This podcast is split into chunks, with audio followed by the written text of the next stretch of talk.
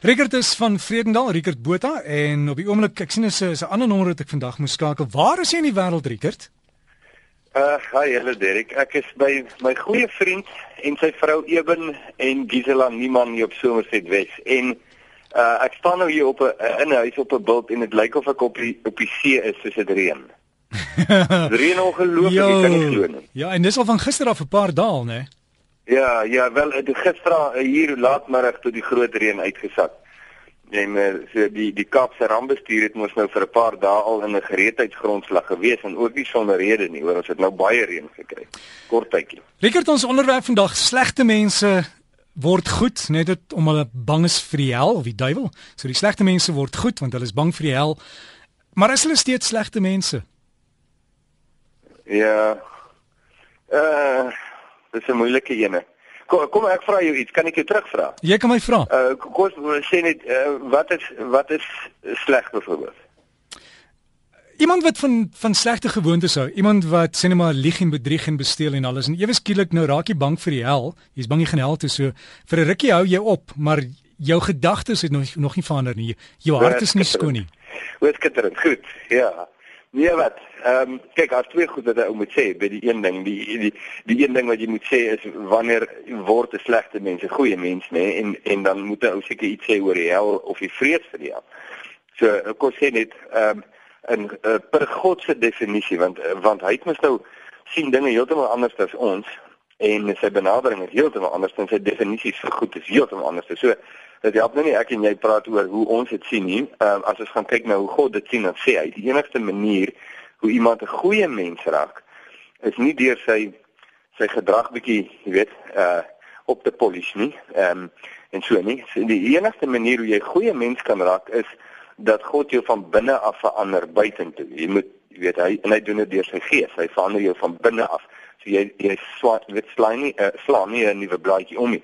Dis 'n baie belangrike definisie wat hy oor moet praat en dis dis baie belangrike deel ook van die evangelie. Dan sal ons sê die die die ding oor die vrees vir vir die hel of so, ehm um, wel met reg ook, jy weet enige ewige verwydering van God het 'n beduidende vreeskomponent in vir 'n mens as jy as jy uh, regdenkend is. As jy nou mooi daaroor, daar's mense wat glad nie omgee nie. Hulle weet tralala gaan dit aan, maar jy nou mooi daaroor dink om ewigheid of in vir ewig van God verwyder te wees het 'n is 'n geweldige ernstige saak.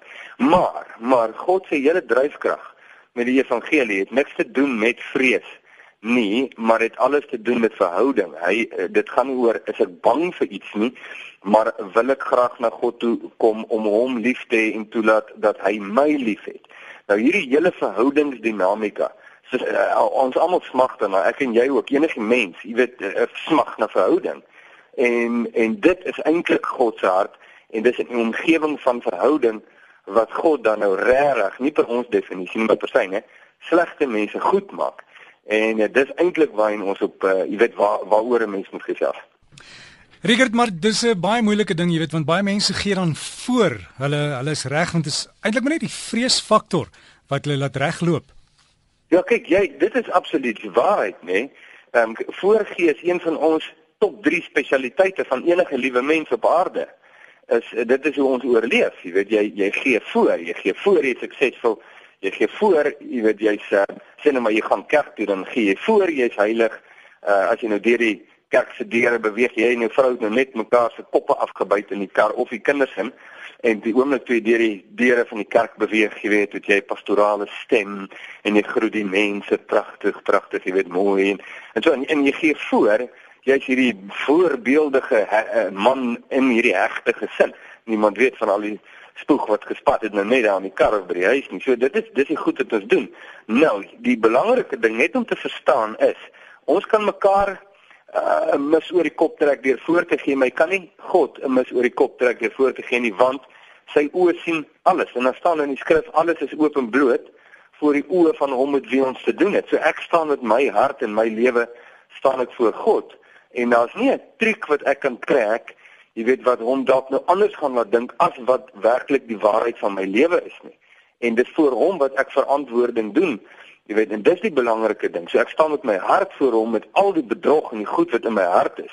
En ek het 'n behoefte, 'n geweldige behoefte om daarvan gereinig te raak, jy weet, want dit is onsaglik onwys en onsaglik liefdeloos en dit bring skade nie net in my eie lewe nie, maar in mense se lewens om my en dit bring geweldige verwoesting. Ek wil nie my hele lewe so aangaan nie. En die enigste persoon wat my daarvan kan reinig is God self. Richard, maar dit is so maklik om in daai hele lokval in te stap en te jok en en net aan te hou met jou lewenstyl.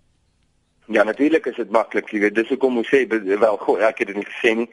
Uh God het dit gesê, hy het gesê bedrieglik is die hart van die mens bo alle dinge. Jy weet so mens mense het hierdie jy weet hierdie ag jy weet hierdie ding hierdie ons het nou gepraat van die maskers hierdie persone hierdie goeders waarmee ons hierdie mure wat ons om ons bou maar maar jy weet die, die belangrike ding van 'n muur is Derek en uh, jy weet en dis nou alweer die geval waar die Engelse sou sê you preaching to the choir jy weet enige mens weet hierdie ding wat 'n ou nou sê dit is gemeenplaas by enige iemand en dit is hoe meer die mure en hoe dikker die mure om jou hart hoe vereensamer uh, weet raak jy hoe eensamer, hoe hoe alleen raak jy want jy isoleer jouself van alles wat seën bring in jou lewe.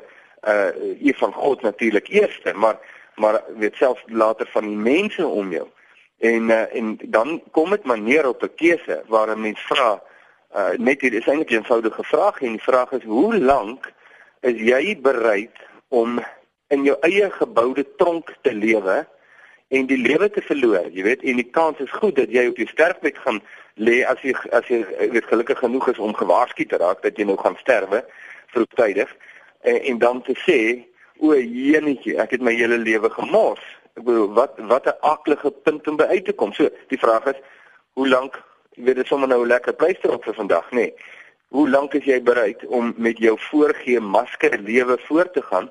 in plaas van om net toe te laat dat die Here jou reinig en daar soveel heerlikheid en ontspanning in 'n in reiniging. Jy weet in jou hart, jy weet, oh, oh, so bevrydend, jy weet uit hierdie mure. Um, en en dis God se aanbod vir ons en uh, en hy wag vir ons antwoord en daai antwoord kan baie keer dekades vat.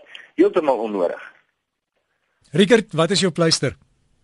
Wel, ek dink ons gaan bly by dit. Ons bly by die pleister. Uh, dit as 'n pleister. Ons sê ons sê ehm um, die aanbod wat God my maak, ehm um, het het verhouding in die kern daarvan.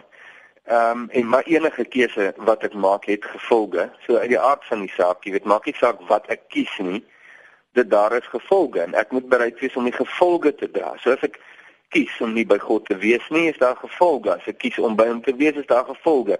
Die die aanbeveling wat God maak sê, hy sê hoorie, ek is ek is jou grootste fan. Ek is lief vir jou uh, en ek wil so graag hê jy moet my leer ken en my ontdek en lief wees vir my. Ek het so baie om met jou te deel en daar lê lewe in en, en dit dit is eintlik die pleister derde pleisters wat God ooit kan gee. Ek het mense wat vir jou wil volg, hulle kry vir jou op Facebook, né?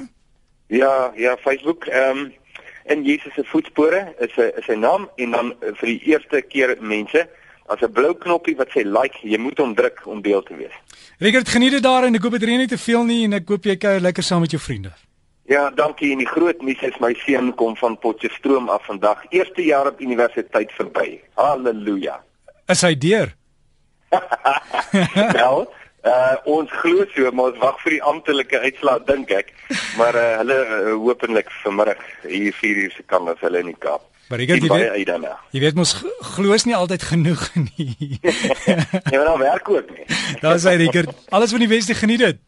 Dankie Derek, lekker naweek vir jou. Selfs vir jou. En so gesels ons dan met Rickert Botha en as jy hom op Facebook gaan soek in Jesus se voetspore en jy sien hy so so awesome met palmboompies op die foto, dan kan jy net daar by die groep gaan aansluit.